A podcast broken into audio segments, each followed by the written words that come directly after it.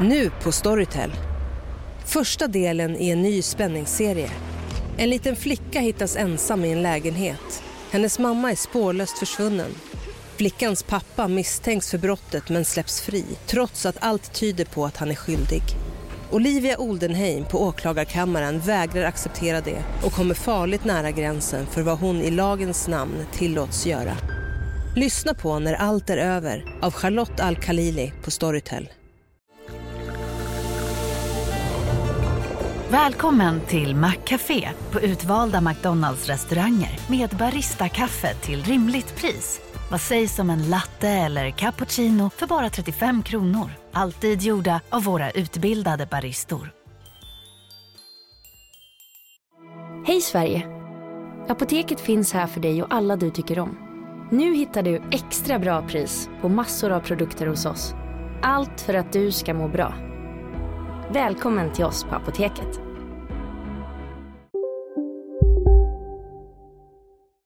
Under en roadtrip i USAs nationalparker dokumenterade 22-åriga Gabby hennes och fästmannen Brians äventyr. Hon höll tät kontakt med sina föräldrar tills en dag när det blev knäpptyst. Vad som skulle följa fick hela världen att engagera sig i att hitta henne efter att Brian plötsligt återvände hem ensam. Detta är en berättelse i flera delar och idag ska vi prata om inledningen till vad som hände med Gabby Petito.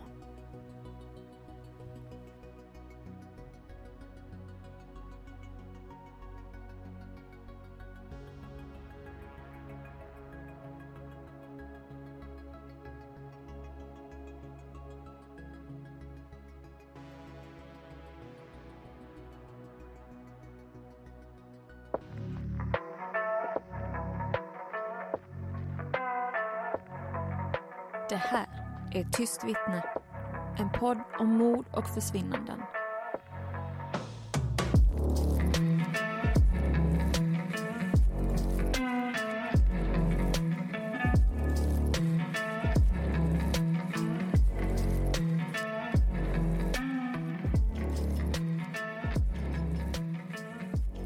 Hej allihopa och välkomna till veckans avsnitt av Tyst vittne. Det är jag, Jenny, som är med er idag. Nästa vecka är vi i full styrka igen och då är Alex tillbaka. Dagens avsnitt kommer handla om Gabby Petito som begav sig ut på en roadtrip med sin fästman Brian. Gabrielle Venora Petito föddes i Long Island, New York 19 mars 1999 till sina föräldrar Joseph och Nicole. Hon hade en yngre bror som hette TJ. Hennes föräldrar skilde sig när barnen var små och i den nya familjekonstellationen så fick hon sammanlagt fyra nya halvsyskon. Pappa Joe gifte om sig och frun Tara var med i bilden sedan Gabby var ett år gammal. Och mamma Nicoles nya man Jim har varit med i bilden sedan hon var två år gammal. Och det verkade som att alla hade en god relation med varandra. Familjen beskrev Gabby som snäll, osjälvisk och sa att hon älskade människor. Hon älskade att rita, vara med sina vänner och vara ute och hitta på saker. De beskriver hennes kille Brian som trevlig, att han alltid uppförde sig. Han brukade rita och läsa med Gabbys småsyskon.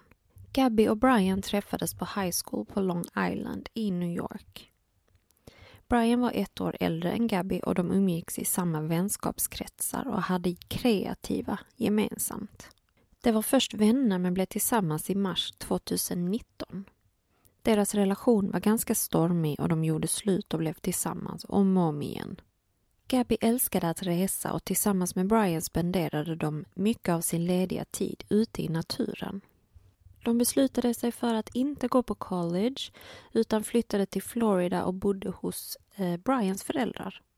Gabbys pappa Joe ville vara nära sin dotter så han flyttade också till Florida. Ett år efter att de blev tillsammans friade Brian till Gabby och hon sa ja. Paret jobbade och sparade ihop för att kunna åka runt i USA i Gabbys van som de hade gjort om till en slags husbil. Det var en mindre van, som en hantverkarbil och inte en speciellt stor van. Gabby startade en hemsida och Youtube-kanal där man skulle kunna följa deras äventyr genom USA Och detta var en stor del av resan för henne, då det var hennes passion, både att resa och dokumentera det. De bodde ju hos eh, Brians föräldrar så när de skulle åka på sin roadtrip hyrde de ett förråd där de förvarade sina tillhörigheter medan de skulle vara borta. 2 juli 2021 startade Gabby och Brian sin resa från New York där Gabby hade spenderat två veckor för att fira sin bror TJs examen. Vad gäller Gabbys föräldrar så var hennes pappa Joe inte jätteglad att hon skulle ge sig ut i landet. Kanske var det för att han som förälder tyckte att hon var säkrare närmre hemmet och inte ute i nationalparkerna och på vägarna i USA. Gabby hade planerat resan noggrant i ett och ett halvt år och hon var ju trots allt 22 år gammal och vuxen, så det var inte direkt något han kunde sätta stopp för. Gabby skulle komma att uppdatera sina sociala medier flitigt under deras resa.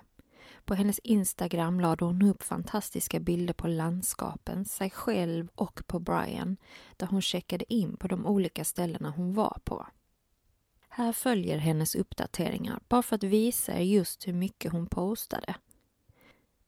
Tre dagar efter att de startade sin resa den 5 juli lade hon upp på sin Insta från Kansas Monument Rocks National Landmark.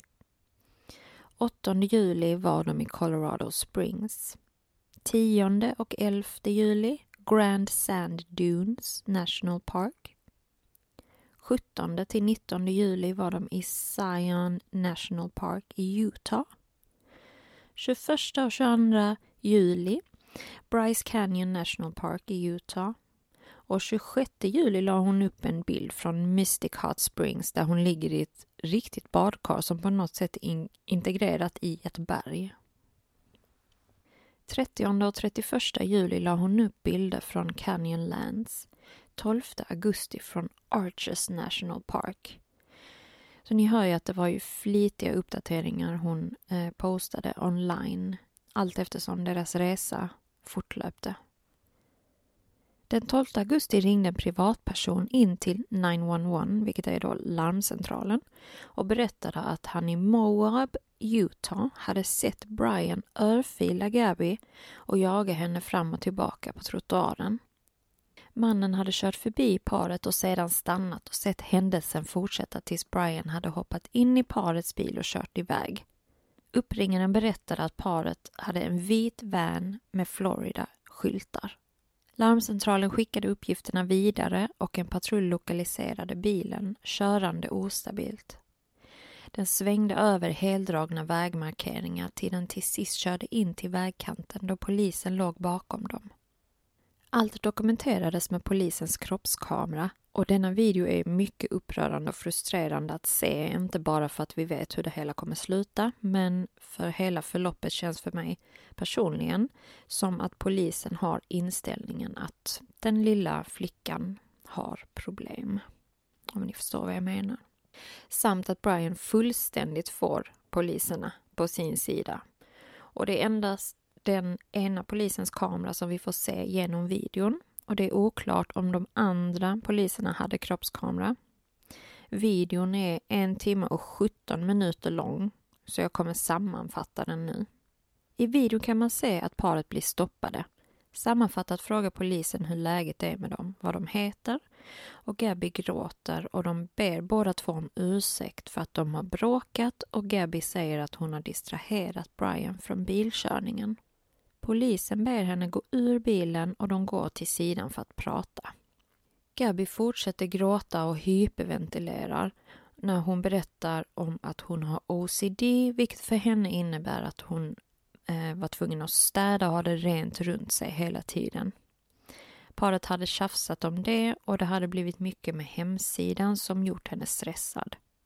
Hon berättar också att Brian inte riktigt tror att hon kan klara av att skapa hemsidan och att bli en så kallad travel vlogger eller influencer. Samtalet går överlag lugnt till från båda sidor. Gabby får sitta i polisbilen och ungefär samtidigt anländer tre polisbilar till. Två av dem är Park Rangers och en vanlig polisbil. Och de är totalt fyra bilar på plats, alltså fyra poliser. De tar ut Brian och pratar med honom och han berättar ungefär samma historia men hans version är att Gabby blir uppe i varv ibland och att han låst in sig i bilen tidigare för att hon ska lugna ner sig först innan hon får komma in. De tar hans uppgifter och ber honom sitta ner vid sidan av vägen och går sen iväg och pratar med Gabby igen som i sin tur står och pratar med en av de andra poliserna. Och hon gråter fortfarande. Man hör honom fråga om Brian har slagit henne och hon pausar någon sekund och säger då att ja, men jag slog honom först. Polisen frågar var han slog henne och hon visar att han greppat tag i hennes ansikte. Det låter Gabby sitta kvar i bilen och gå tillbaka till Brian. Och mitt problem, personliga då, är att polisernas samtal med Brian eh, får man känslan av att de beter sig lite som att de är polare. Eh, Brian småler och skrattar lite under deras samtal. Kanske är det för att han är nervös, jag vet inte. Brian berättar lite om Gabbys OCD och att han har smutsat ner i vanen och att det rör sig om små saker de bråkat om. Och då säger den ena polisen att han har varit gift i fem år och han vet att det är de små sakerna som gör det. Personligen tycker jag att detta är en förminskande kommentar och inte passande eh, situation till att säga något sånt.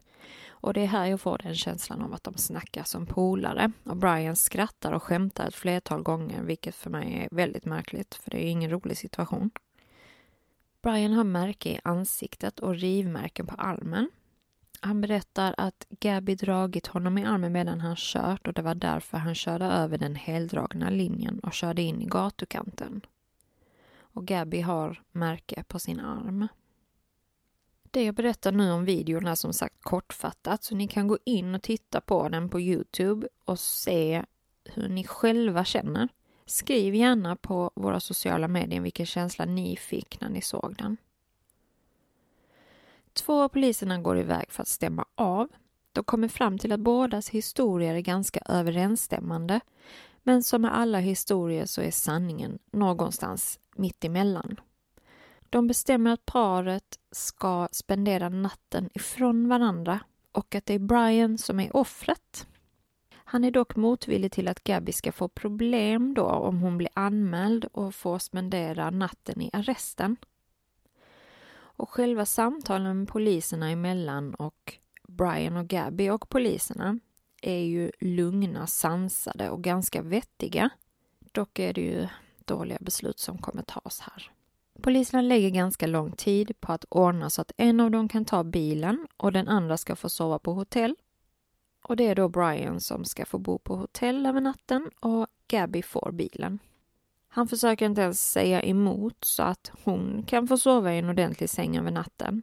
Och det bestäms att Gabby inte kommer få böter eller anmälas för något. Och de får strikta direktiv att inte kontakta varandra alls så att de kan koppla av. Och tror fan att Brian kommer koppla av när han ska få sova på hotell och ligga och kolla på TV. Gabby har körkort men det är för det mesta Brian som kör deras van, vilket hon berättar för polisen. De byter telefonnummer så att Gabby kan ringa om det skulle behövas och polisen kan ringa till henne om han känner att det är något han vill kolla av med henne eller komplettera. Gabby var fortfarande upprörd och grät när de gav henne nycklarna för att köra iväg och det var väldigt så här, okej, okay, tack hej. Kör du. Och enligt mig kan man inte skicka iväg en upprörd man eller kvinna för den delen för att sova i en van i en nationalpark. De borde ha kört henne till hotellet, enligt min mening. De möts upp dagen efter och fortsätter sin resa. 17 augusti flög Brian från Salt Lake City till Florida för att hämta ett par saker från parets förråd och samt tömma det och säga upp det så att de skulle kunna spara pengar för att förlänga sin resa.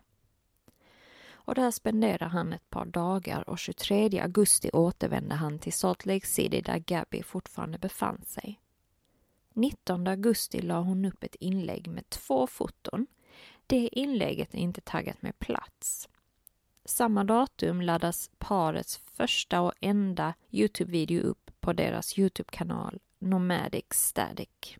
En video då med klipp från deras resa. En vecka senare, den 26 augusti, lades det sista inlägget upp på Gabis Instagram. Detta inlägg är inte heller taggat med plats. Det är sju bilder i en serie med texten Happy Halloween där hon står vid en väggmålning och hon ser väldigt glad ut. Hennes flöde är fantastiskt fint och det ser ut att vara en underbar resa. Men allt var inte som det verkade. Under hela deras resa hade Gabby regelbundet flera gånger i veckan haft kontakt med sina föräldrar via Facetime och vanliga telefonsamtal, mestadels till hennes mamma Nicole. 24 augusti pratar Gabby och Nicole via Facetime och hon berättar då att de lämnar Utah och är på väg till Wyoming och Grand Teton National Park. 25 augusti smsar de med varandra och likaså den 27 augusti. Och just den 27 augusti befann sig ett annat par på semester på en restaurang i Jackson, Wyoming där de såg Gabby gråta och Brian var förbannad och gick in och ut ur restaurangen flera gånger medan han bråkade med personalen. Restaurangchefen berättade i efterhand att det har skett en incident just det datumet men ville inte lämna några namn eller information om vad som hände och han sa även då att det inte fanns övervakningskameror i lokalen. Det gick sedan tre dagar och den 30 augusti skickas sms från Gabis telefon till familjen där det endast stod ingen service i Yosemite. Familjen ringde och smsade otaliga gånger utan att få tag på Gabby då de fick en känsla av att det inte var hon som hade skrivit smset. Den 11 september anmäldes Gabby försvunnen av sin mamma Nicole. Familjen hade fram till detta försökt få tag på Gabby och Brian och de ringde och smsade även Brians föräldrar men fick inget svar överhuvudtaget. Vad de inte visste var att Brian hade återvänt till Newport, Florida till sina föräldrars hus den första september i Gabbys van, men utan Gabby. Detta fick de endast veta samma dag som Nicole anmälde sin dotter försvunnen och en polis kom och knackade på hennes dörr hemma i New York och berättade att Gabbys bil var i Florida, hemma hos Brian. De berättade också att Brian hade skaffat sig en advokat. De undrade förtvivlat, var är vår dotter Gabby? Tack för att ni har lyssnat på veckans avsnitt av Tyst vittne. Följ oss gärna på sociala medier och lämna fem stjärnor där ni lyssnar så blir vi jätteglada. Ta hand om er så hörs vi nästa vecka. Toodles!